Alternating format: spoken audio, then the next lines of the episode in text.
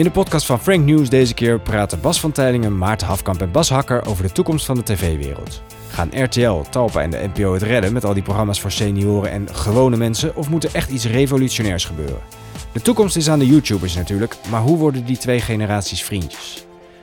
Oh, even de man introduceren. Bas van Teylingen, dat is de man met de goede stem, is vooral bekend als de maker van de Dylan Hagens film. Maar hij is dus ook voice-over en regisseur van vele tv-programma's. Oh ja, en YouTuber, blogger voor Frank News en met zijn eigen bedrijf Online Cookie Collective gaat hij veel online video maken. Maarten Hafkamp is mediajournalist en hij schrijft onder andere voor Adformatie en Frank News. Vanaf begin deze maand is hij overigens fulltime freelancer. Bas Hakker tot slot stelt veel vragen en is hoofdredacteur van Frank News. Veel plezier. Bas, ik wil eerst over jouw uh, uh, film beginnen. Film over Dylan Hagens uh, heb jij gemaakt.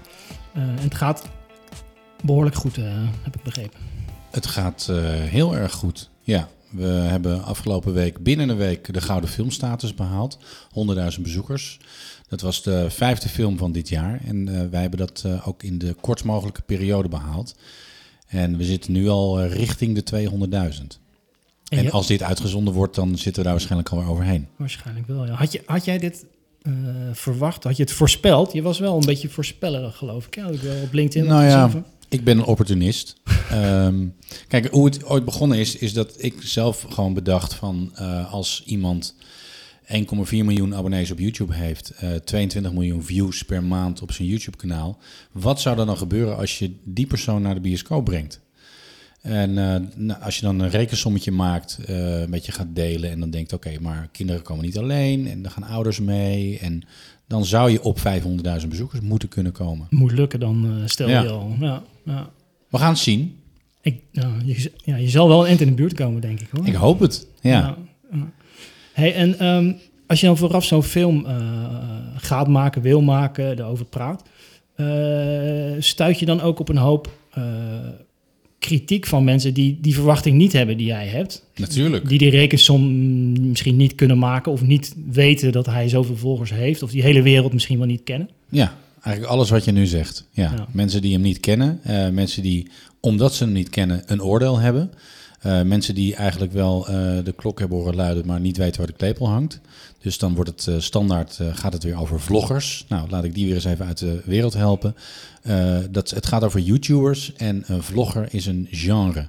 Dus het zou hetzelfde zijn als dat je zeg maar alle sporter, sporters tennissers noemt.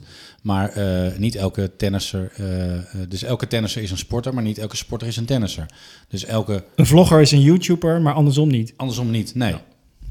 En uh, ja, ja, mensen hebben kritiek en nou, dat is prima. En uh, wie het laatst lacht, lacht het best. Maar sta, kom je dan ook dingen tegen, misschien moet je uh, subsidies of geld ergens van, vandaan halen of medewerking krijgen van mensen. Dat, je moet het wel een beetje tegen strijden, kan ik me, kan ik me voorstellen. Ja, ja, en het strijden is wel een, is wel een, een dingetje wat ik eigenlijk de afgelopen jaren uh, heb gedaan. Ik, ik, heb een televisieachtergrond en ik wilde toen in film.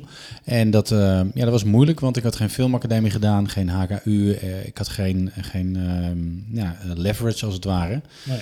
Um, maar het mooie is dat met deze film, we hebben een heel klein beetje suppletie gekregen van het Filmfonds. 25.000 euro. Mm. Nou ja, dat is niks op het budget. Nee. Um, Wat is het totale budget van de film? ergens over de 7 ton. Mm. Maar dat, dat is heel weinig voor een Nederlandse film. Ja, zeker. Ik geloof dat je een beetje begint op de, om de anderhalf miljoen. Dus um, het mooie is dat we dus in principe het geld van het Filmfonds niet nodig hebben gehad. En ik hoop dat na het succes van deze film, dat we kunnen aankloppen bij het Filmfonds en zeggen: hey, wij maken publieksfilms. Gezien? Ja, ja. leuk. Bedankt voor de plaketten van uh, 100.000, 200.000, 300.000, 400.000. Doe even geld. kan je ze dan allemaal, bij wijze van spreken, af? Uh, alle YouTubers uh, kunnen zo, of werkt het niet zo? Nee, anders zo, gaan denken. Zo werkt het niet. Uh, in de zin van, um, kijk, om succesvol te zijn op YouTube hoef je geen talent te hebben. En wat ik daarmee bedoel is dat de een kan heel goed zichzelf filmen en, en, en, zijn of haar leven in, in beeld brengen. Enzo Knol, Monika Geuze. Uh, de ander is weer heel goed in uh, het doen van pranks. De ander is weer uh, goed in kookvideo's. Maar het betekent niet automatisch dat je kunt acteren. En Dylan en, en zijn team, die acteren wel. En dat is ook wat ze doen op hun kanaal. Ze maken sketches, komen ze video's, dat soort dingen. Ze hebben een hele serie gedaan waarin ze spelen. Uh, en daarom was, uh, ja, was dat het perfecte team om deze film mee te maken. De jongens van Stuk TV, die denken ook over een film. En die zeggen ook gewoon heel eerlijk, ja, wij zijn geen acteurs. Nee. Dus dat wordt veel meer documentaire-achtig. Gemaakt, ja, uiteindelijk. Ja. Is het, is het uh, nou heb ik die film gezien, zit er in de film ook wat kritiek op die tv-wereld? Ik heb wel wat kleine dingen waarin, waaruit Wat is je opgevallen, Bas? Nou... nou, bijvoorbeeld op een gegeven moment, uh, ja, ik weet niet of ik het goed kan uitleggen, maar uh, Dylan loopt in een huis. Hij is, uh, heeft een soort vijand in de film en dan gaat hij onderzoek doen in dat huis. En in dat huis staat een, een schilderij van, ik denk, een man of tien die daar stilstaan in dat schilderij. Het is een levend schilderij. Ja. En op een gegeven moment zegt een van die gasten die in dat schilderij staat van... ja, ik kom uit de tv-wereld, ik ben het gewend om stil te staan. Ja vond ik wel een subtiele dat ik denk van mm, klein knipoogje naar uh, de oude tv-wereld. Nou ja, het is, um, het is ik, ik, las gisteren een stukje, uh, ik heb het even meegenomen, ik ga het er even bij halen. Uh, traditional broadcast TV viewers are old and getting older. There's no polite way to say this, but they're dying. Internally they're at, dying the at the BBC, the UK's national broadcaster, executives talk about seeking out replenishers, young viewers uh, who replace the older viewers once they die. En dan zegt, this week a senior UK politician warned the BBC, the UK's national broadcaster, about the encroachment of YouTube on its turf. When the old men in suits are warning about the rise of YouTube, it's time to take notice. Ja, nu wordt het echt serieus dan. Nu wordt het echt Als zij serieus. het doorhebben, dan, dan, dan, gaat dan er is er wat aan de hand. Ja, dat zou je denken. Uh, helaas, zo werkt het nog niet. Um, maar ik vind het interessant om te zien. En het is voor mij niet een kwestie van televisie willen bashen, want ik ben opgegroeid in televisie, traditionele media. Maar er wordt nog steeds een beetje lullig over gedaan. En dan denk die YouTubers ja, of ja, vloggertjes. vloggertjes en, uh, uh, en wat is dat nou? Wat denken die nou wel? En uh, ja, weet je, neem het met Dylan. Um, dat vond ik heel erg grappig en nog steeds grappig. De reacties van ouders die meegaan naar de film. Jij bent zelf als ouder meegegaan naar de Ja. film. Een heleboel mensen waren bevooroordeeld. Ja. Maar de positieve reacties, die zijn echt ten overvloede. Mensen die zeiden, nou, ik, ik, ging, ik, ga, ik ga lekker even een half, anderhalf uurtje slapen. Maar ik heb me kapot gelachen. Ja. Letterlijk allemaal van dat soort reacties. Omdat het gewoon slapstick is. Ik wou net zeggen, je moet wel van slapstick-achtige, eh dik en de dunne-achtige humor houden. Ja, maar is Suske en Wiske-achtige is vette net- scheetgrappen, een beetje. Dat Donald Duck, een Naked Gun, eh, eh, Dat is dat soort dingen is het. Ja, Ja, dan heb je dat is wel echt goed, eh, goed doorgevoerd ook. Het is, het is echt slapstick. eh, Ja. Scheten in winden, en, eh, of winden in scheten, in liften. in liften. Sorry, ja. En ehm, ja, dat soort grappen zitten er gewoon goed in. Even naar die tv-wereld en versus de YouTube-wereld. Ehm, er zitten wel wat andere dingen ook in. En ik moest heel erg denken aan het interview wat eh, Matthijs van Nieuwkerk onlangs gaf bij Kunststof. Waarin hij eh, zei van, ik vind het interessant wat er gebeurt in de YouTube-wereld, wat er online gebeurt. Leuk en ja, leuk om dat te volgen, want eh, we kijken minder mensen lineair en eh, ik wil erbij zijn. Ja. Mo- Is het een idee dat Matthijs naar die film gaat van jou? Want daar zitten wel wat elementen in dat je denkt van, dat zijn wel de, dat is misschien wel de manier hoe er tv gemaakt wordt de komende jaren. Heel persoonlijk of zo. Er zit er, jij zit er bijvoorbeeld zelf in, weet je wel. Mhm. Een voice-over zit in een film. Dat is al best wel bizar eigenlijk, wat je niet in een tv zo snel zal zien. Misschien Woody Allen, in Ja. een Woody Allen film, dat hij zelf Ja. ook een rol speelt. Maar Ja. Nou ja, dat is eh, inderdaad. eh, het, het, het grappige is, toen ik ooit in Aalsmeer bij Joop van den Ende producties ging werken, kwam ik vanaf radio. Ik werkte bij Radio 538 als producer en sidekick. En ik was gewend om daar alles te doen, behalve presentatie. Dus ik verzamelde de plaatjes, ik verzon acties met de salesmensen, ik deed typetjes. je kon zo gek niet bedenken, koffie halen, telefoon opnemen. En toen kwam ik in Aalsmeer en toen werd er gezegd, nou Bas, je bent nu hier redacteur en eh, jij doet alleen maar dit stukje. En voor de rest hebben we die en die en die en die en die. Ehm, en het is niet de bedoeling dat je ook voor de schermen gaat, wat je bij de radio wel hebt gedaan. Je bent hier achter de schermen. Ja. En YouTube heeft ervoor gezorgd dat uh, de creator, zeg maar, is, is opgestaan. Dus dat mensen, gewoon dat alleskunners, zeg maar, nu uh, de kans krijgen om iets te maken. En dat dat dus scoort. Want ze hoeven niet meer... Ik heb een partij afwijzingsbrieven thuis liggen. Die echt een sta, stapel zo dik als een bijbel. Van mensen, nee, we zitten niet op jou te wachten. We hebben geen zin. En, en we, met je sketches en je ideeën en je films en bla bla. Maar uiteindelijk, uh, alle YouTubers die succesvol zijn, zijn self-made man en woman. Want ze hebben gewoon het platform en dan bepaalt de community uh, wat succesvol is. En niet de 1200 kastjes uh, voor de kijkcijfers in Nederland, die ook natuurlijk niet representatief zijn voor het aantal kijkers. Nee, gewoon pure analytics waarbij je ziet op de nanoseconde wie er kijkt, waar die op kijkt, uh, waar die vandaan komt. het is zo meetbaar. En het mooie is, bij televisie zit je gewoon vast aan een presentator of een programma en je kan niet deabonneren. Nee, nee. Op YouTube kun je gewoon zeggen, nou, ik kijk niet meer. Het is overzichtelijk. Je, als, ja. als, ze niet meer kijken, dan is het klaar. Dan nee, en, heb je en niet ze, goed gedaan. En ze heuien elkaar ook op, hè. En dat is ook gewoon op het schoolplein en op school en dat soort dingen. Uh, je ziet, we zitten nu in de vijfde generatie YouTubers uh, in Nederland. En we zijn pas twaalf jaar bezig. Dus dat, ja, dat gaat best wel hard. De ene, ene dag ben je niet meer relevant doordat je een foute video maakt. Of een video die niet aanslaat. En is het klaar. Naast uh, Bas zit Maarten Hafkamp, een mediajournalist. Denk jij uh, dat de tv-wereld, traditionele tv-wereld, dat die zenuwachtig werden, worden van wat er op YouTube gebeurt? Of zien ze daar signalen in dat ze denken van, ah, daar kunnen we iets van, van, van leren? Nou, ik, ik bemerk bij, vooral denk ik bij de NPO, wel een, een soort van arrogantie nog steeds. Dat ze denken van, nou ja, wij, uh, wij gaan nog wel even zo door. Ja, kan nog wel even. Kan nog wel even.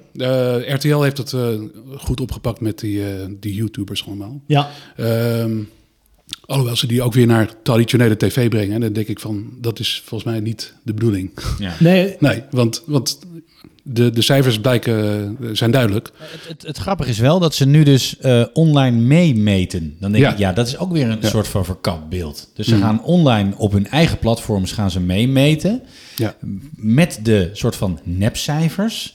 En ik heb in 2012 heb ik een uh, zender opgezet voor 538, TV 538. En toen zaten wij niet in het soort van, soort van bestel bij de SKO, omdat het een pluszender was. Ja. En heb ik dus gebeld met, uh, met Ziggo en UPC nog in die tijd. Van oké, okay, maar mm-hmm. kunnen we dan digitale cijfers krijgen? Nou, nou vanwege de privacy, allemaal nee, gedoe. dat doen ze niet aan. Hè? Nee, ik zeg nou ja, zeg maar het kan wel. Ja, het kan wel, maar we doen het niet. Ze weten alles, hè? Daar. Ze weten alles. Ja. Yo, ik weet nog dat als ik last had van uh, storing of zo, dan zeiden ze nou, uh, als u nu toestemming geeft, dan gaan we even uw uh, boxje uitlezen. Ja hoor.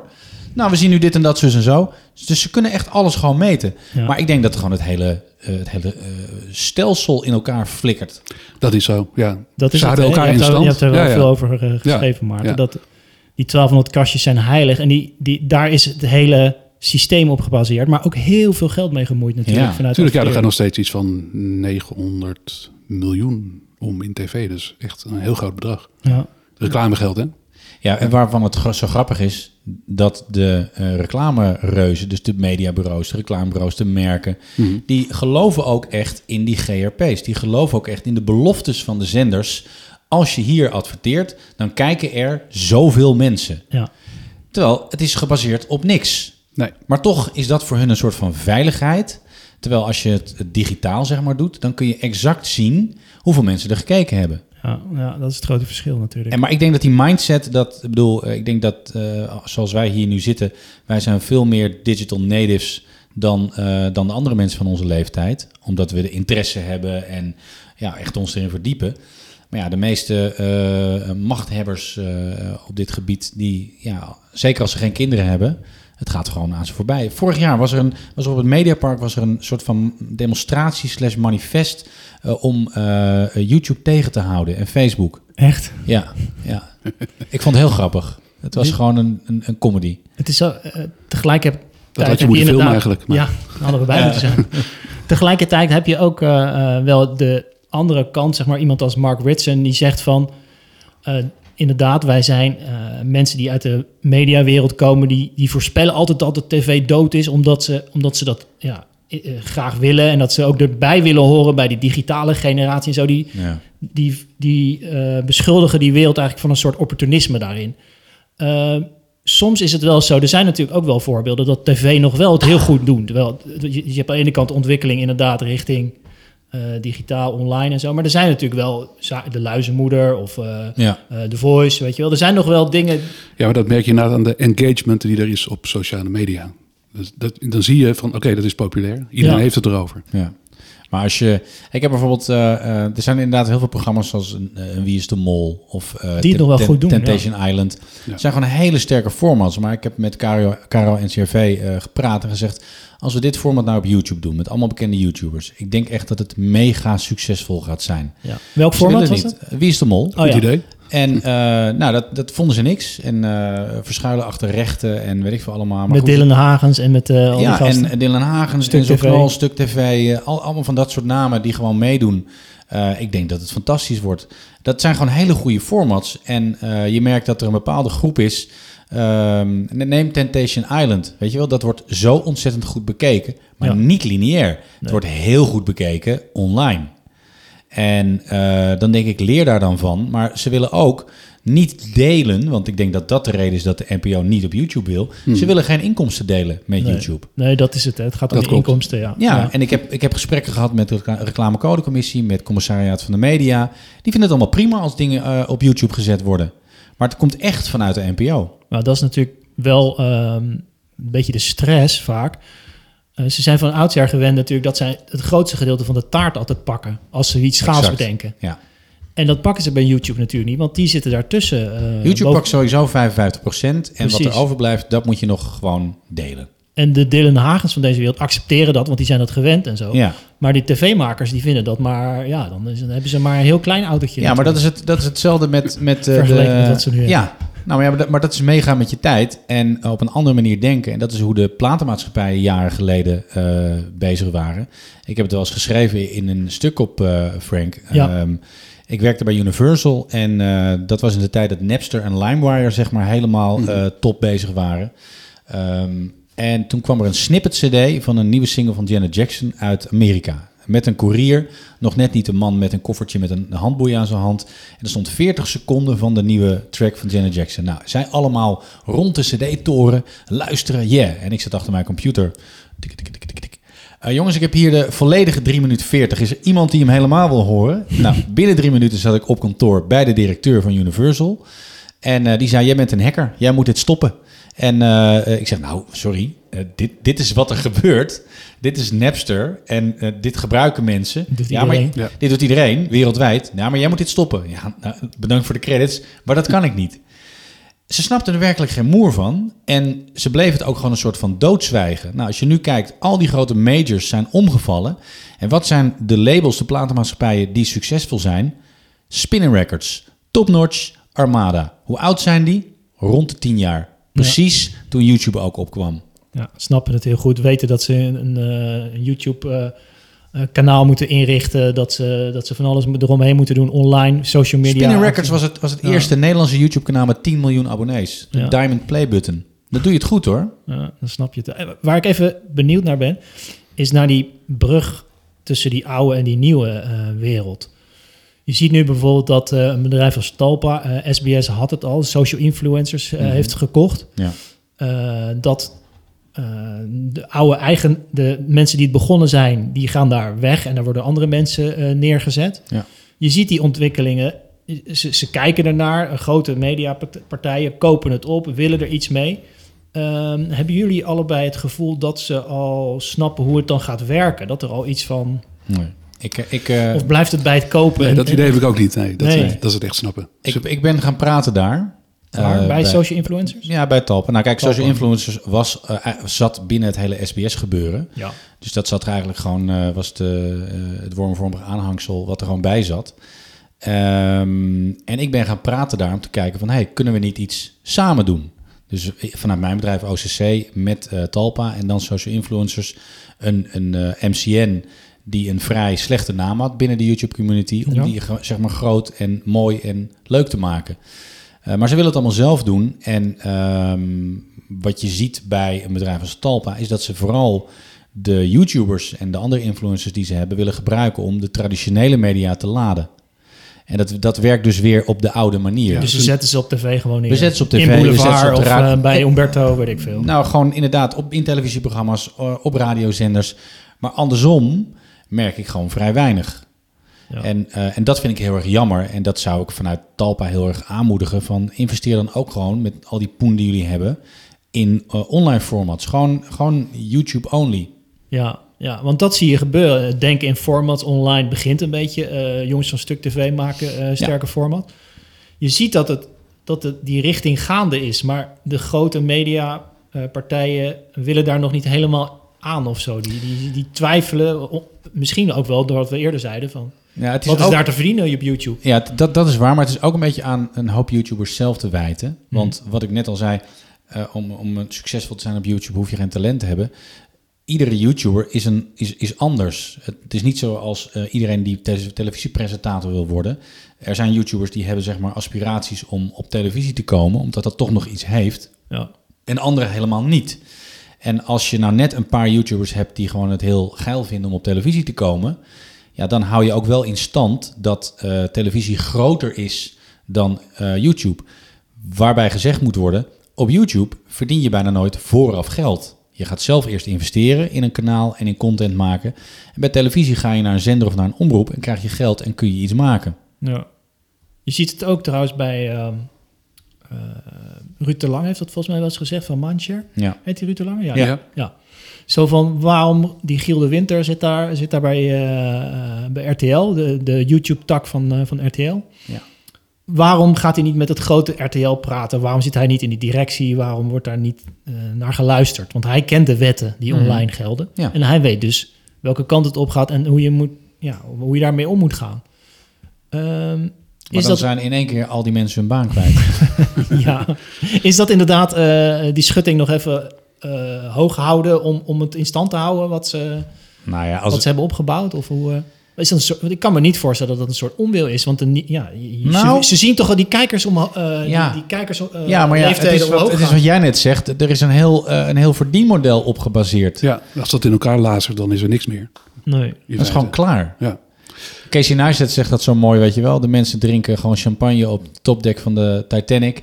En we are the fucking iceberg, weet je wel. Gewoon Dat is het aan de hand nu. Dat Dat, gaat dat er- is, ja, dat gaat er gewoon gebeuren. En gaat dat echt gebeuren? In de, denk je, is het, is het, gaat het straks nou ja, ten kijk, onder televisie, gewoon? televisie is niet dood. En ik vond het heel grappig dat er stond een stuk laatst eh, ergens. En dat was van een, eh, god, ik weet niet hoe die heet. Eh, iemand die heel erg televisie promoot en een bedrijf heeft. Nou, heel slecht voorbereid. Nederland? In Nederland? Nederland, ja. Ehm, eh, ter promotie van televisie. Oh, Screenforce. De, Ja. De marketingafdeling. Volgens mij wel, ja. De marketing, Oh, daar, de marketingorganisatie van Ja. televisie. de ja. lobbyclub van de tv. Ja, Ja. Die, dus, die dus heel duidelijk zei, de televisie is absoluut niet dood, weet je wel. En dan zie je onderzoeken, zie je dat de gemiddelde leeftijd van de televisiekijker 55 jaar is. Ja. Nou, dat betekent Volgens mij televisie... inmiddels 58. Nou, inderdaad. televisie is niet dood, maar het is wel stervende. Ik bedoel, Als ik net dat verhaal zeg, dat, dat executives uit, eh, uit, uit Engeland tegen de BBC zeggen van... jongens, Ja. de mannen inpakken, eh het gaat nu dood, het is nu aan het sterven. Natuurlijk, er is nog wel televisie, maar we hebben de cord cutters. Dat zijn de mensen die, eh, eh, mijn kinderen, zeg maar, mijn oudste kinderen van eh, nu 18 en 14... die zijn gestopt met televisie kijken, die hebben het cord doorgeknipt. En we hebben ook de cord nevers. Dat zijn, ik heb een jongste zoontje van anderhalf... die gaat nooit ever van zijn leven televisie kijken. Die begint er niet eens meer aan. Nee, dat is iets van vroeger, zoals de telefoon aan een draadje. Ja, ja. Die kijkt YouTube en dat is het. Dat is het, ja. En dan geloof, is, geloof jij nog wel in eh, dat gezinnen samen kijken naar bijvoorbeeld zo'n voice-achtig eh, programma? Eh, nou, ik zou dat heel goed vinden. En dat is ook een van de, van de redenen waarom ik graag de film met Dylan Hagens wilde maken. Ik wilde Mhm. graag verbinden. Ja. Eh, kijk, het mooie van televisie, eh, om dat ook maar eventjes te zeggen, is eh, de kijkwijzer. Het NICAM, wat erachter zit. Je kunt als ouders gewoon heel eh, veilig je kind alleen achter de televisie zetten. Ja, dat vind je goed, hè? Dat, Dat vind gewoon alle leeftijden, dan weet je dat je kan gaan. Dan weet je dat je kan gaan. En, maar, maar op televisie, weet je, je kijkt naar een programma en je kan je kind ochtends op zaterdagochtend voor de televisie zetten en eh, je kijkt naar Zep en het is oké. Ja. Ik Op moet je- altijd eh, bij mijn zoon even kijken. Ik kijk altijd even mee zo van kan het, weet je wel. De tien tosties van Hagen is prima. En Dylan Hagen over het algemeen kan het wel. Ja. Maar als het richting wat stuk tv-achtig gaat en zo, dan moet ik is- even opletten. Maar dat is dus YouTube. Ja. Weet je, er wordt bijna 500 uur content per minuut geüpload. Ja. Uh, het is bijna niet te cureren voor YouTube. Ze hebben vorig jaar 10.000 mensen aangenomen om dat allemaal handmatig te cureren. Het is bijna niet te doen. Dus er is heel veel wildgroei en heel veel ook ellende te zien op YouTube. En, en dat was de reden waarom ik dacht: oké, laten we eens ook zien dat er een goede kant is aan YouTube. Het stond in HP de Tijd van de Week een stuk. Ja, echt, ik uh, kan ervan walgen. Want, Wat stond er dan? Nou ja, het is, een, het is heel erg uh, sensatie gezocht hoe het geschreven is. En, en wat stoorde je precies dan? Nou, wat mij stoorde iets is over dat... diversiteit, geloof ik. Hè? Ja, iets over diversiteit Ja. en eh, dat het homofoob is en eh, eh, voornamelijk Dat alles maar en- kan in die wereld van de YouTube bedoel. ik. Ja, maar ook, ook weer niet. Dat Oh. het eigenlijk dat het bijna een soort van eh, eh, PVV-platform is, eh, om het maar even Oh ja, te soms chargeren. Nou, het was be- best wel heftig. En, ehm, en dan, worden ook weer de verkeerde mensen worden gevraagd eh, voor een soort van backstory. Ja, dat heb je ook bij tv vaak. Dan Ja. komt weer Bert van der Veer aan het woord. En dan denk ik van, ja, jongen, Ja. Wat, weet je ervan? ja, precies. Ja. Ja, die weet niet wat er nu eh, hot is onder de 15-jarigen, laten we het zo Nee. zeggen. Maar dat is, de, dat is de fout van de journalistiek, inderdaad. Nou, ik- vond het wel mooi met. eh, ik heb voor de film een interview gedaan met de Volkskrant. En dat was een journaliste die we- was echt op de hoogte. En dat, die, was al, die was wat jonger, die eh, volgens mij eh, 27. En ze had ook bij een YouTuber van het eerste uur, Thomas Smagge, in de klas gezeten ooit. Oh ja, dat is goed. En ehm, eh, dus zij heeft die hele opgang van YouTube meegemaakt. Je merkt dat dat wel het verschil maakt. Als ik, ik geef les eh, bij de Talent Institute en dan eh, er zitten mensen in een growth hacking eh, traject van zeven maanden. En die mensen zijn tussen de 20 en 27. Er zitten 30 in een klas. En dan kom ik daar binnen als 44-jarige en dan zeg ik, oké, wie kijkt er YouTube? Serieus, er gaan twee vingers omhoog. En ze zijn nog niet eens geabonneerd. Ze kijken dan voor een tutorial of, of een recept of weet ik veel wat. Als het al bij de twintigers er niet in zit, zitten er bij de dertigers niet in. Bij de veertigers al helemaal niet. En bij de vijftigers, waar de meeste decision makers zitten, al helemaal niet. Nee, nee. Dus we hebben nog best wel een lange weg te gaan, denk ik. Ja, dus eh, die lange weg, hè, ben ik wel benieuwd naar. Hoe, hoe, hoe zal dat gaan? Is het dan inderdaad wat je zegt van eh, op een gegeven moment klapt het omlaag? Is het in die ijsberg van en dan is het klaar ook en dan is het systeem op en dan komen inderdaad eh, de bassen en de giels aan de macht en die gaan dan het even organiseren? Hoe zal dat lopen? Ja, ik denk, jullie? ik, dat vind ik heel lastig te voorspellen. Ja, lastig het, om het gaat inderdaad, hoor. eh, het gaat eigenlijk trager dan ik dacht, moet ik zeggen. Maar dat is waarschijnlijk omdat het systeem zichzelf in stand houdt. Nou ja, dat is wel interessant. Want je, trager dan ik dat, want de, Ja. de tv-wereld die houdt nog inderdaad vast. En die, die kan Ja. natuurlijk wel wat doen om vast te houden. Bijvoorbeeld dat ze eh, nooit naar ouderen omkeken. En nu zie je bij, eh, je hebt er een stuk over gemaakt bij Frank. En nu zie je inderdaad dat de focus enorm op de oudjes, De senioren, senioren ligt. Ja, moet ik zeggen, met respect. Ja. Nee, maar ehm, op die manier kunnen ze natuurlijk wel de boel nog een beetje maar tijdelijk kijk- recht trekken. Of zo. Kijk naar Omroep Max. Ja, Zo succesvol. Ja, ja. nou ja, dat Met- is het. En, Ja. ja. en ze halen al die oude tv-corriveeën die eigenlijk geen werk meer hadden, die halen ze er naartoe. Het is een soort, het is een nostalgie, no- nostalgische zender. En wat ze maken is ook heel erg goed. En eh, bedoel, ik kijk echt geen televisie, maar eh, ik vind Heel Holland Bakt vind ik heel erg leuk om terug te kijken. Zeker nu met André van Duin. Eh, Ja. ja. ik vind het heel erg leuk. En ik vind, eh, om een voorbeeld te geven, maar dat is vooral de, nostalgische gebeuren. Ik heb met vrienden avondjes dat we oude kinderen voor kinderen eh, dingen gaan terugkijken op YouTube. Die hele aflevering die staan daar illegaal op YouTube. Is dat echt, zijn dat echt de eerste? Eh, bedoel je oude kinderen of kinderen Ja, afleveringen? echt, van? echt, de, echt vanaf het begin. Nee, want vroeger, daar heb ik wel eens gelezen. Vroeger, eh, nu lijkt het allemaal heel professioneel. Vroeger haalden ze gewoon, was het gewoon de buurman van de producer, producer Ja, en, de, en de zus van de, de presentator. Je zag Ja. ook allemaal bekende achternamen Ja. toen, hè? ja. Maar het is, Nou, dat klopt. het, is, het is heel leuk om dat terug te kijken vanuit een, een nostalgisch eh, gevoel. Maar eh, de jonge doelgroep die kent dat helemaal niet. Nee. Weet je, ik, ik, vergelijk het met dat ik eh, zeg maar vroeger, dan kwam ik ergens en dan stelde ik me voor en dan zeg ik, ik ben Bas van Teylingen en ik eh, ben televisieregisseur en ik eh, maak onder andere programma's met Martijn Krabbe. Ja. Nou, prima, dan wisten mensen wat. Martijn Krabbe, hey, Ja. die kennen wij. Nou, als ik dat nu tegen jonge mensen zeg, dan zegt de helft wie? Als ik zeg, nee, ik heb net een film gemaakt met Dylan Hagens, Ja, ben je Dan- binnen, hè? dan ben ik binnen. Ja. Ja. dat is echt een ander verhaal. En die verschuiving, ehm, ja, ik denk enerzijds wat jij zegt, het, het is natuurlijk puur om het, eh, het hele financiële verhaal in stand te houden. Maar het is ook angst, onwetendheid Ja. eh, en arrogantie. Ik kan een voorbeeld geven van, het was nog niet zo lang geleden, toen ik probeerde wat formats in elkaar te draaien als freelancer. Ja. is nooit gelukt, maar eh, vijf jaar geleden, dus had ik trouwens ook met Dylan Hagens, eh, voordat hij eh, eh, bekend echt, werd. echt bekend werd, eh, heb ik een gesprekje met hem gehad. Maar ik zat ondertussen ook bij de VARA.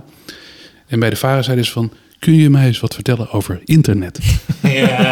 En toen ben ik een beetje afgehaakt eigenlijk in feite. Dacht van, ja, Maar dat is grappig wat je nu Ja. zegt. ja. Wij hebben bij ons eh, op kantoor hebben wij vorig jaar eh, hadden wij stagegesprekken voor stagiairs. En er was een jongen van 21 die echt letterlijk tegen mij zei: eh, ja, het lijkt me wel interessant om wat meer te weten te komen over YouTube en internet. 21. 21, nog niet aangehaakt. Nog niet aangehaakt. Nee. En dat vind ik best wel zorgwekkend. Nee, ik moest, eh, eh, moest daar aan denken. Je hebt het nu over VARA en tegenwoordig heet het natuurlijk BNN-VARA. Ik zat dat Volkskrant eh, magazine interviewtje te lezen met eh, Paul de Leeuw. En die had het over hoe het daar aan toe gaat en zo. En die zei op een gegeven moment over die tv, weer- over de mensen die bij eh BNN-VARA in de directie zitten, die dienst uitmaken. Ja. Er staat zoiets als antwoord op de vraag. En dus is iedereen niet meer zo bij BNN-VARA. Het gaat over hoe mensen zijn daar. Nee, iedereen is zoekende. Het wordt daar bemand door mensen die net zo oud zijn als ik. En die ook niet weten hoe het moet. Nee. Oftewel, en dat vond ik wel opvallend, want eh Media hij zit natuurlijk bij Media Lane, die maken zijn, maken zijn programma's. En die zitten natuurlijk tegenwoordig bij een hele YouTube-MCN in het gebouw. nee, daar zijn ze net mee gestopt. Oh, daar zijn ze mee gestopt. Ja. Oké. Nou, maar dat, ze, ze werken in ieder geval samen met, met eh eh, Onlane. Ja, ze hebben Mediacraft overgenomen, een MCN. En dat Ja. werd toen Onlane. En dat was zeg maar eigenlijk de, de YouTube-tak, eh, de online tak binnen Medialane. Ja. Geleid door Jonathan de Boer, ja ook niet onbekend. Ja, Eh, die daar nu ook weg is. Ze gaan toch meer richten op gewoon traditionele televisie. toch Het zijn echt twee verschillende werelden, werelden hoor, heb ik het idee. Echt, Ja. eh, Want wat- ik dacht van, die, omroep hebben met elkaar wel contact of zo. Die Jonathan en eh, Paul de Leeuw, dat weten wel. Die praten wel over de toekomst en zo. De- daar, over die bruggen gesproken bedoel ik. Ja. Maar, eh, Nou, kijk, het, het grappige van BNN Vara, ik had voor de vakantie eh, had ik een gesprek met iemand die eh, eh, hoog bij BNN Vara zit. En zij zei tegen mij, eh, Bas, het is begonnen. En ik zei, wat bedoel je? Het klonk lekker dramatisch. ja. Ze zei, nou, het, waar je het vaker over hebt gehad, het is begonnen. Ze zegt, we hebben echt heel weinig te doen deze zomer. En we merken gewoon dat het schip een beetje aan het zinken is. Dus het gebeurt wel, maar er wordt niet heel erg naar buiten gebracht. Bedoel, Paul de Leeuw doet dat nu. En Ja. dat kan hij als enfant terrible. ja. Ehm, maar ik denk dat het heel erg stil wordt gehouden. Het- wat stil wordt gehouden is dat, dat die ontwikkeling gaande is. Dat de, eh, dat de kijkers oud worden inderdaad. eh, En geen, geen jonge aanwas. geen jonge mensen meer kijken. Nee. Nee. En wat moeten we nou? En dan handen in het haar en geen idee. Nee. nee, een paar jaar geleden hebben ze dingen geprobeerd met second screen en dat soort dingen. En dat werkt allemaal niet. Maar het is eh, Ja, inderdaad- second screen, ja, dat is inderdaad een was mooi. ook zo'n zo'n zo'n ding. Ja. Ik weet nog dat ik, een- dat ik een televisieprogramma voor Talpa regisseerde. En toen stond er op de call sheet... "En draai ook nog even wat dingen voor second screen. Dat was een hele duidelijke briefing inderdaad. Dus ik zei daar, oké, wat moeten we dan draaien? Ah, laat maar joh. Dat, we, we- ze, gebruiken wel wat van wat wij niet gebruiken in de montage. Is ook volledig geflopt, dat hele second screen. En ik denk wel dat inderdaad programma's zoals The Voice en eh, Junior Songfestival, dat soort dingen... Het is heel goed dat die gemaakt worden. En eh, eh, wat daar zo mooi aan is, en dat doet Talpa wel heel slim. Kijk, ze werken bijvoorbeeld met die Voice-app, weet je wel. Dus ze zorgen dat het, dat het interactief is. En dat ze daarmee die jonge doelgroep wel aan zich weten te binden. Ik vind wel dat we een soort van overkill hebben van talentenjachten. Ja, het is niet zijn meer zo Er komen er weer een paar bij hè, dit jaar. Hou op, uit. Ik geloof dat mensen gaan dansen en zingen. Tegelijk? En dan moeten ze ook nog jong leren misschien. Of, ja, ik weet niet, maar in ieder geval, ze gaan het, het is weer een spin-off van een spin-off van een spin-off. En dat zie je zoveel nu. Zouden die mensen nooit Het op is wel- zijn? het Dat is de talenten op zijn? Het is zo onorigineel. Ik bedoel, Het is super onorigineel, ja. Niemand heeft nog een leuk, eh, leuk idee. Ik vind, Nee. ik vind het jammer. Nee, Nou, ik denk wel dat er leuke ideeën zijn, maar ik denk dat die er- niet doorkomen. Nee, oké, dat is waar. Dat, dat is natuurlijk ook weer die wereld die zichzelf in stand houdt. Ja, en bij Talpa is het gewoon heel duidelijk eh, hoe, hoe ik het inschat, zeg maar, is... Het is verkocht aan ITV en John de Mol moet gewoon nog een keer een Voice of een Big Brother-achtig format gewoon verzinnen. Eh, en dan krijgt hij een hele mooie earn- earn-out. Eh, en dat is waar ze vooral mee bezig zijn. En, eh, dus daar, is, elk- eh, daar is het op ingericht om weer zo'n ja, geweldig- is heel internationaal ingericht. De MIPCOM, de MIP-TV, dat is waar ze met hun formats gewoon staan. En dat is waar ze hun formats verkopen. En dat is eh, hun legacy. Het gaat niet zozeer om die Nederlandse markt. En eh, je ziet nu House of Talent, wat eigenlijk helemaal niet scoort. Maar het blijft wel op televisie. Want ze moeten nog wel de MIP en, eh, en de MIP-TV overleven. Het schijnt online wel wat beter te gaan. Ja, iets. Iets. Maar voor televisiekijkcijfers tussen de 100 en 200.000 Nee, dat is kijkers, natuurlijk niks. Nee. dat is eigenlijk niks. Nee. En voor zo'n duur programma, Ja, dat zou eigenlijk eh, een paar jaar geleden zou dat dan gewoon meteen eraf gehaald worden. Mhm. Denk je ook dat hij eh, eh, echt de focus heeft op, op zo'n succes weer bedenken uiteindelijk? En dat je, als je ziet, kijkt naar de programmering van SBS, dat dat niet de aandacht heeft die het verdient. Echt een tv-zender inrichten van waar staan wij dan voor? Zijn wij dan inderdaad zender X? En welke mensen, welke programma's horen daar dan bij? Eh, Nou, daar ben ik wel heel benieuwd naar, want... eh, dat zou hij wel moeten kunnen Nou natuurlijk. kijk, neem een voorbeeld van social influencers. Suzanne Pronk die gaat het nu leiden, Ja. of die leidt het nu. die komt en, een beetje uit de eh, bladenhoek eh, ja, volgens ja. mij. Hè? Ja. En eh hele aardige, eh, leuke dame. En eh, nou, die jongens die social influencers hebben opgestart, die zijn weg. Die gaan voor Daan Sip. En, eh, Daan Sip, eh, ja. Die gaan hun eigen eh, weg. Ehm, ik ben wel heel benieuwd wat Talpa het komende half jaar gaat doen. Want er, het, ze kunnen, ze gaan gewoon dat, die hele SBS-groep gewoon eh, transformeren. Dat kan niet anders. En, En jij denkt eh, dat dat social influencers, als het goed zou zijn, een hele grote rol in zou, zou spelen? Als zij daar echt de boel eh, schoonvegen, eh, om een voorbeeld te geven, ik, ik ben daar op kantoor geweest eh, onlangs eh, om te praten over mogelijke eh, dingen en ideeën, samenwerkingen. Nou, eh, als je een paar jaar geleden bij SBS kwam, dan stonden de mensen daar op oude eh, kopieerdozen met hun laptops, eh, oude zooi. Het, is, het ziet er nu echt mooi uit hoor. Het is gewoon dik in orde. Ja, Ik heb wel het idee dat daar gewoon een, een heel team achter zit die ook wel social mee gaan nemen. Ik ben alleen benieuwd op welke manier en hoe serieus ze dat nemen. Jij gaf net als voorbeeld RTL, die dat bijvoorbeeld met Concentrate doet. Om eigenlijk op een Vice, BuzzFeed-achtige manier kanalen op te zetten. ja. eh, waar ze niet per se geld aan verdienen. Dat is ook vooral investeren. En ik denk dat het ook zo is, want dat merkte ik ook bij, die, bij BNNVARA. Er zijn binnen een omroep op een zender... zijn er mensen die heel erg voor zijn... en er zijn mensen die er ergens tegen zijn. Dus ehm, bij BNNVARA, eh eh Sluipschutters is bijvoorbeeld een voorbeeld... ja. Ehm, dat zetten ze ook op YouTube. En soms krijgen ze vanuit eh eh, hogere hand krijgen ze, eh, te horen van... hé, hey, dat mag niet, nu moet het eraf. Het is een beetje een spelletje. Het is een beetje Wat- zoeken. Ja, wat Lubach hetzelfde. Die doen gewoon. Die hebben gewoon scheid. Ja. En uiteindelijk gaat het om ja, welke soort blijft overleven. Zijn dat de, de mensen die echt pro online zijn? Of zijn dat de, de oude generatie? Nou ja, de oude generatie sterft vanzelf uit. Is dat niet een beetje de strijd die gaande is? De oude eh, cultuur van op kantoor, inderdaad. En wij zijn de baas en wij bepalen. Wij zijn de zenderbazen. Wij weten wat goed is voor Ja. de mensen. Ja. En inderdaad, die jonge gasten, de Lubachen. eh, jij maakt er ook onderdeel van uit. eh, de Winter bijvoorbeeld. Die, Ja. die gasten, en zijn er nog Dylan Hagen zelfs, weet je wel. Die gasten die de strijd aan moeten gaan en die... ja, dus, dus die pro- moeten proberen op hun manier dat er doorheen te... eh, Ja, maar dat is, dat is grappig dat je het vraagt. Want je kan dus kiezen van... oké, we gaan er doorheen. Dus het wordt een beetje David en Goliath. Of we doen het gewoon zelf. ja. En Ze hebben natuurlijk niks nodig in principe. nee, in principe heb je niks nodig. je hebt geen eh, tv nodig. Je hebt geen Nee. tv nodig. En Nee. eh, eh, met het eh, promotieplan van de film bijvoorbeeld. Wij hebben geen tv-promotie meegenomen. We hebben geen eh, trailers ingekocht op televisie. We hebben geen dingen in bladen. Geen outdoor. Niks. Nul. Helemaal niks. Geen budget, eh, mark, het traditioneel marketingbudget Traditioneel marketingbudget niet. Nou, en dan zie je dat er wel eh, kranten en sites en televisieprogramma's zich melden. Maar er is niks betaald, er is niks ingekocht. Nee. Eh, er is alleen gefocust op online promotie. Via Instagram, via YouTube, samenwerking met andere YouTubers. Dat is de enige manier waarop de film gepromoot wordt. En dan zie je dus de engagement vanuit de community. die zorgen dat de film gepromoot wordt. En ik repost die dingen allemaal in mijn Instagram story van allerlei fans die naar de film zijn geweest. Eh, en eh, als ik op Twitter inderdaad die ouders kijk en fans. Het gebeurt, het, het is een, een eigen organisme. Eh, Zit er dan een heel plan achter of is dat ook een beetje spelen? Weet je, bijvoorbeeld Rico Verhoeven zit in die film. Die heeft waarschijnlijk online ook veel volgers en zo. En dan zegt hij misschien, is, ik zit in de film zo. Is dat ook een beetje hoe het, hoe het Nou, loopt? Of is- zit daar wel een strategie achter? Nou, niet zozeer een strategie in de zin van het leek ons heel grappig als Rico Verhoeven in die film zat. Ja, ja. En zo verschrikkelijk veel heeft Rico niet gepost over die film. Nee, nee. Absoluut Nee, niet. maar als voorbeeld. Misschien de, de andere eh, meisje Jamila zit er ook in, geloof ik. Of? Ja, ja er zitten Ja. een aantal YouTubers in. Ja, dat is wel deel van de strategie.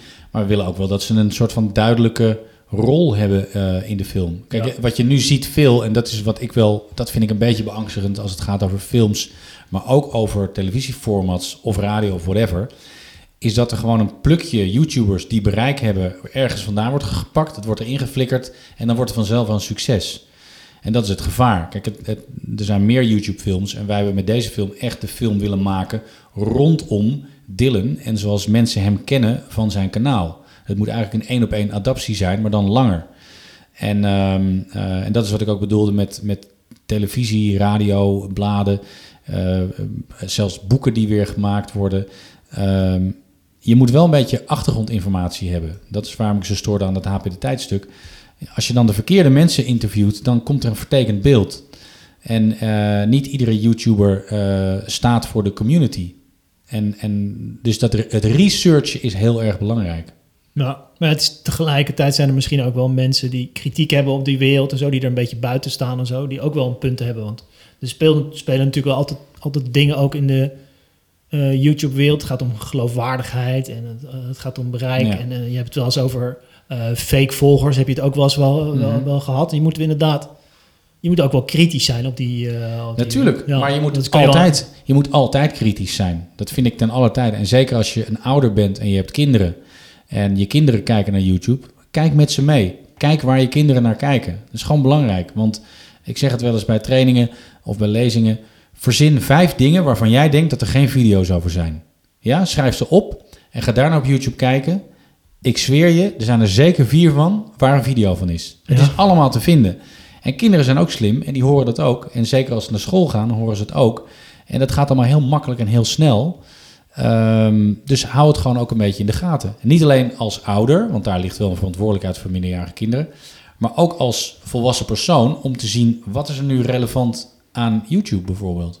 Ik wil een klein stapje maken richting het slot ook. Um, richting eigenlijk de adverteerderswereld, wat ik nog wel interessant vind. Ze hebben natuurlijk, je hebt de traditionele adverteren op tv. We hebben het net over die kastjes gehad. Uh, je hebt een bereik X en uh, daar bereik je een aantal mensen mee. Daar betaal je een bedrag voor. En dan gaat je omzet, als het goed is, wat omhoog. Nou ja, dat is een beetje hoe het werkte. Nou, tegelijkertijd is natuurlijk dat die kijkers dat teruglopen. Dus ze zoeken naar bereik. Denken van, hé, hey, die jongere doelgroep kunnen wij nog online, kunnen wij online gaan bereiken. Um, dat samenwerken met influencers, je hebt daar wel ook veel over, veel over geschreven. Is dat ook nog echt pionierwerk? Ik bedoel, is dat nog zoeken wat werkt en wat niet werkt? En dan heb je het over geloofwaardigheid. En... Ja, nou het, het, het, uh, het nadeel qua samenwerking met influencers is dat de meeste influencers in Nederland gewoon jong zijn. Ik ben een soort van micro-influencer. Ja. maar ik doe ook campagnes, ik doe ook dingen. Dus ik ben naar een camping geweest in het oosten van het land. Uh, en heb daar een koeiensafari gedaan en een boottochtje. Nou, en dat heb ik gekregen in ruil voor posts op Instagram en een filmpje en dat soort dingen. En ze hebben daar, uh, zijn er heel enthousiast over. Ze hebben heel veel aanmeldingen gekregen en ik mocht een weekend weggeven. Um, het, het, heeft allemaal te maken met de basis dat je goed research doet. Dus uh, een gek voorbeeld van een PR-bureau dat mij belde en er kwam een film uit, een Marvel-film, Logan Noir, Wolverine, hm. dus de, de zwart-wit editie. En ik mocht naar Londen toe en daar was Hugh Jackman ook. En ik mocht me ontmoeten en video over gemaakt en dat soort dingen. Leuk. En uh, omdat die doelgroep, die heb ik ook wel op YouTube.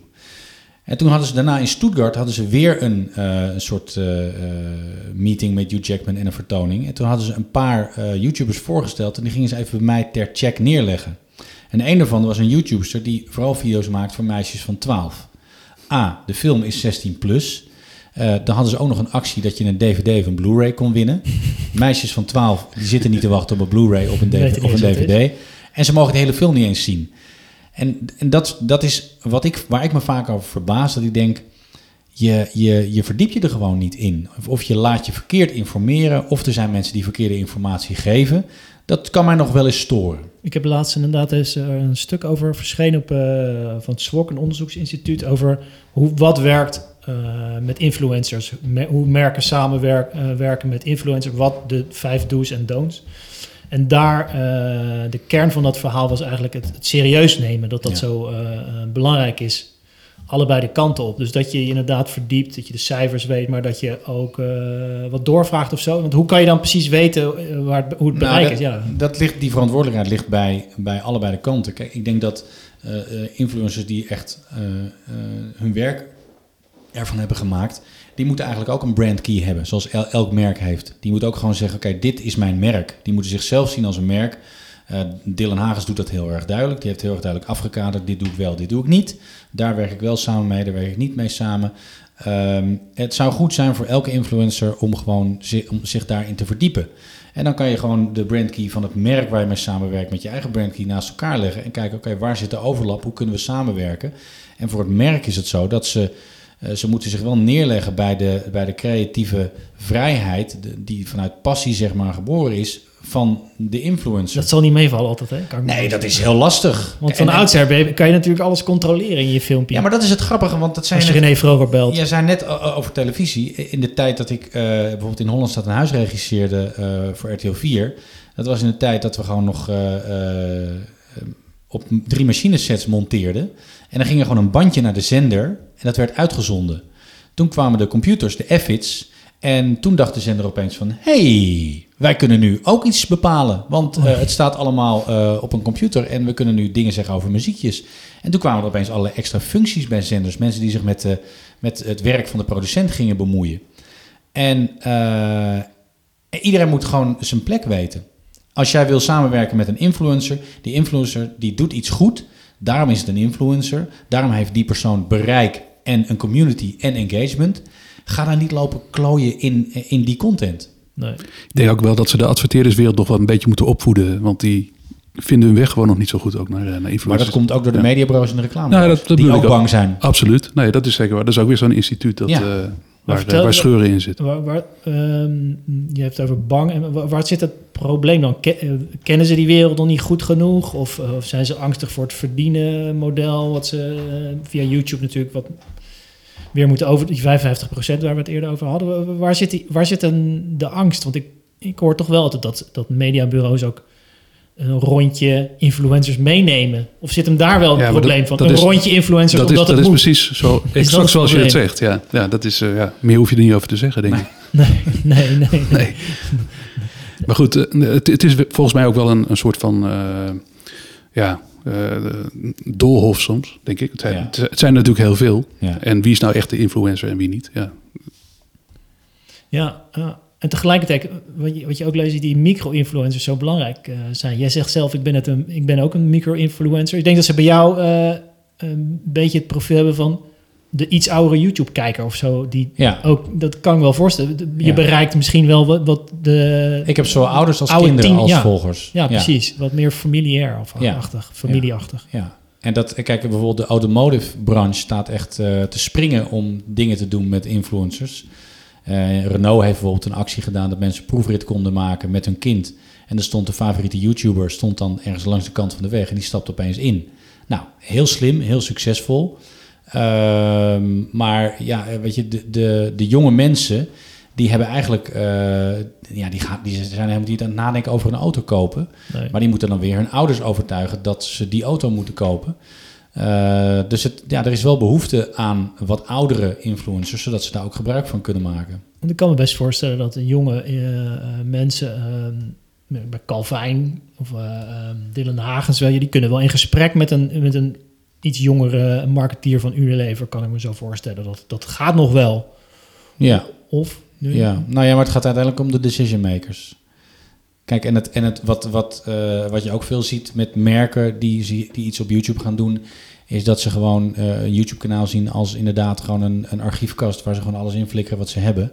En helemaal geen duidelijke strategie hebben. Maar het begint ook al bij je marketingbudget. Hoeveel van je marketingbudget gaat naar outdoor, naar televisie, naar radio, naar print, naar uh, dat soort dingen. En hoeveel gaat er naar online? Hoeveel geld heb je serieus nodig om een kanaal te runnen? Nou, dat begint bij 2,5 ton. Nou, er is bijna niemand los van ING, Albert Heijn, dat soort merken. Uh, voor de rest zijn er. Kijk naar, ik heb het al heel vaak gezegd, het kanaal van Unox. Ja. Ik geloof 229 abonnees. Nederlands trots. Uh, je zou er fantastische dingen op kunnen maken. Maar het gebeurt niet. En je ziet een, een, een paar nieuwjaarsduiken en, uh, en een jaarvergadering. En dat is het. Ja, ja tegelijk ING, die, die doen wel weer dan dingen wel. Maar die proberen heel veel uit volgens mij. Uh... Ja, maar kijk, ING heeft een kanaal ING Only Voetbal. Ja. En dat loopt heel erg goed. En dan pakken ze allemaal relevante uh, YouTubers die wat met voetbal doen. Dus uh, Touzani. Touzani zit er ook ja, op. Die zit er ook. Maar dat zijn dus meer de jongens die echt wat met voetbal doen. Maar ook de FIFA-spelers. Uh, FIFA-Losophy, uh, Lucky Graaf, FC Roelie. Dat soort jongens. en dan pakken ze echt de voetbalcommunity bij elkaar. En ING is daarmee gewoon een heel slim merk. En, en ook naar de jeugd toe. Kijk, dat brandbuilding begint al heel erg jong. Je hebt, je hebt al keukentjes waar mielenapparatuur in zit voor, voor kleine kinderen van vier, weet je. En zo werkt dat ook. Ik wilde vroeger een Honda, omdat mijn vader een Honda had. Nou, ik heb een Hyundai, maar mijn zoontje wil een Lamborghini, want die speelt GTA. Oh ja. En dus je moet ook nadenken als merk dat je gewoon zichtbaar bent. Red Bull doet dat bijvoorbeeld heel erg goed, weet je. Die maakt gewoon hele vette content. En daardoor is Red Bull gewoon een vet merk voor uh, gebruikers, voor kijkers. En als je als merk niet zozeer denkt in wat is het verdienmodel aan de content die ik maak, maar uh, op de lange termijn wat is mijn verdienmodel. Ik ga nu al een community opbouwen. Dat is interessant voor merken. En dat is wat een ING en een, en een Albert Heijn met Appy Today bijvoorbeeld wel doen. Die zorgen dat ze relevant zijn voor de jeugd, waardoor de jeugd denkt, oh, dat is een tof bedrijf. En dat, dat zaadje is ergens geplant en dat blijft die komende jaren wel gewoon in het hoofd zitten. Wat ik wel knap vind inderdaad bij ING bijvoorbeeld ook, is dat het allemaal een beetje klopt met elkaar. Want zij doen dan weer de KNVB ondersteunen. Ze maken daar weer een traditionele commercial over uh, met Peter Heerschop, een beetje uh, feel-good-achtig.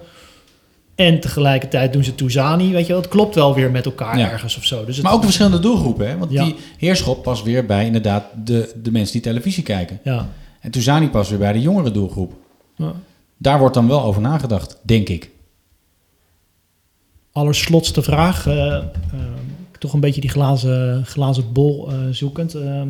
als we nu over vijf jaar hier zouden zitten, is het dan inderdaad die YouTube-wereld?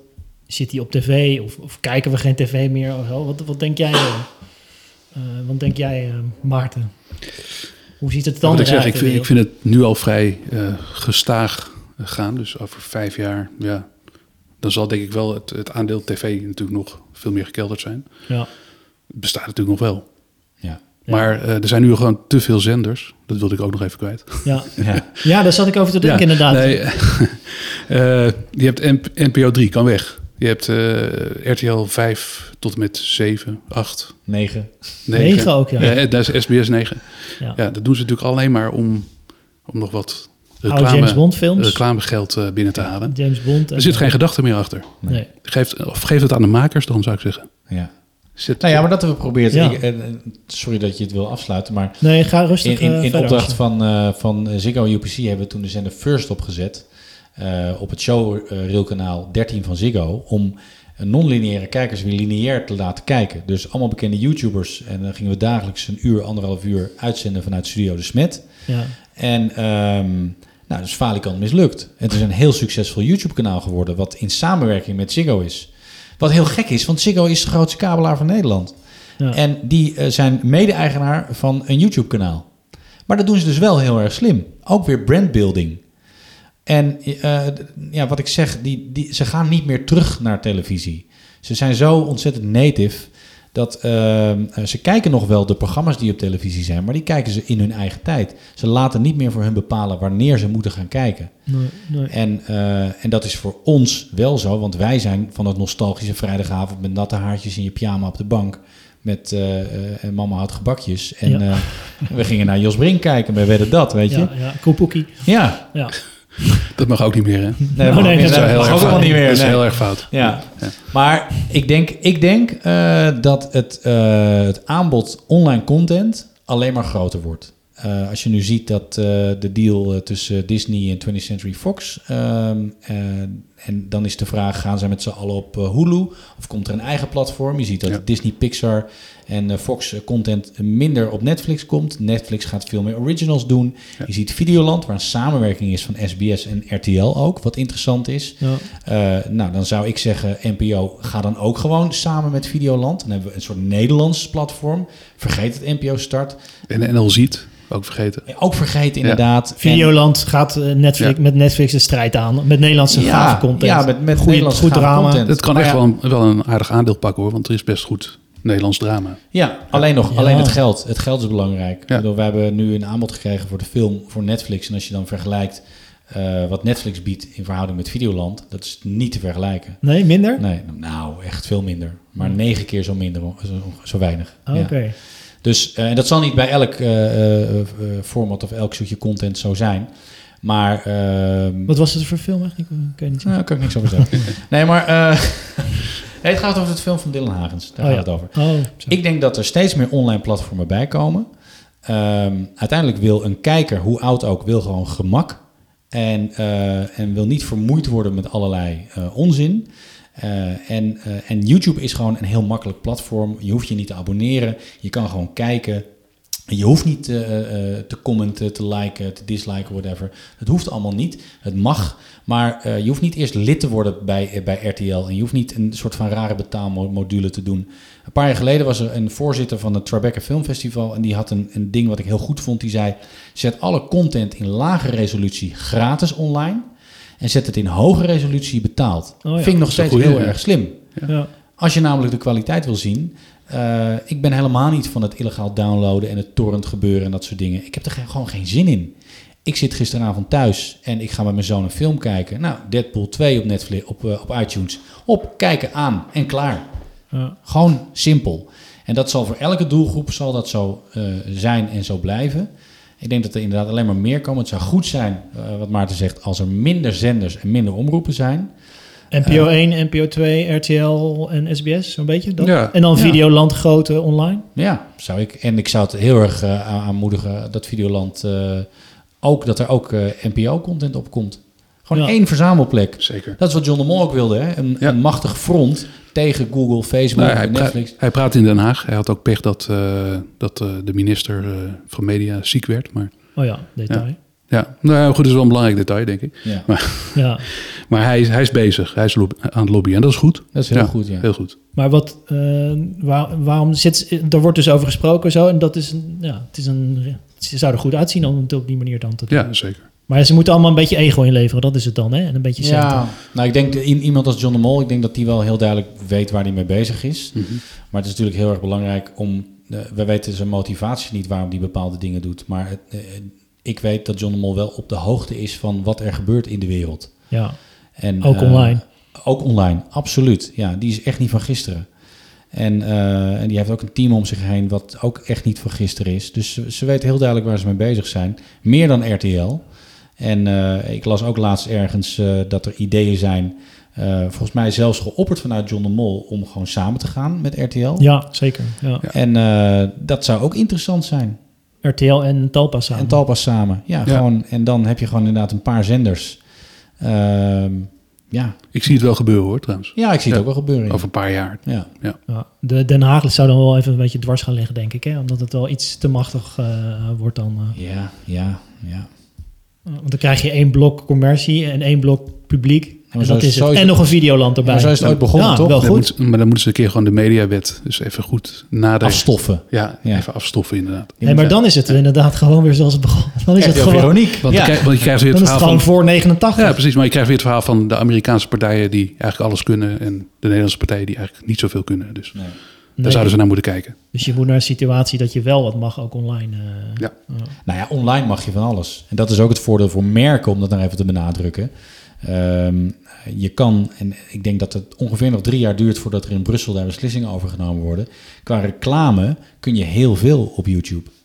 Veel meer dan televisie. Daar is het eh, twee keer noemen, één keer tonen. Ja. Dan is het klaar. En dan ligt eh, de reclamecodecommissie en, en de commissariaat van de media liggen dan gewoon. En de, de mediawet, alles ligt dan gewoon in de struik om te kijken en zo op de vingers te tikken.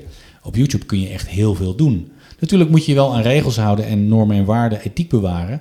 Maar daar liggen ook heel veel kansen voor merken. Je kan gewoon een heel decor eh, eh, met je logo's doen. Maakt helemaal geen moer uit. En het mooie is dat de jongeren die kijken, die vinden het helemaal niet erg. Maakt ze niks uit. Maakt ze echt niks uit. Als die content maar tof is. Ja. En ze kijken toch wel kritisch. eh. Ze, ze kijken super, veel kritischer dan wij ooit deden. Ja. Omdat het in je face is. Helemaal goed. Ik dank jullie voor je verhaal. We doen Dank het snel wel. weer een keer. Ja, Top. dankjewel. Dank je. Hoi.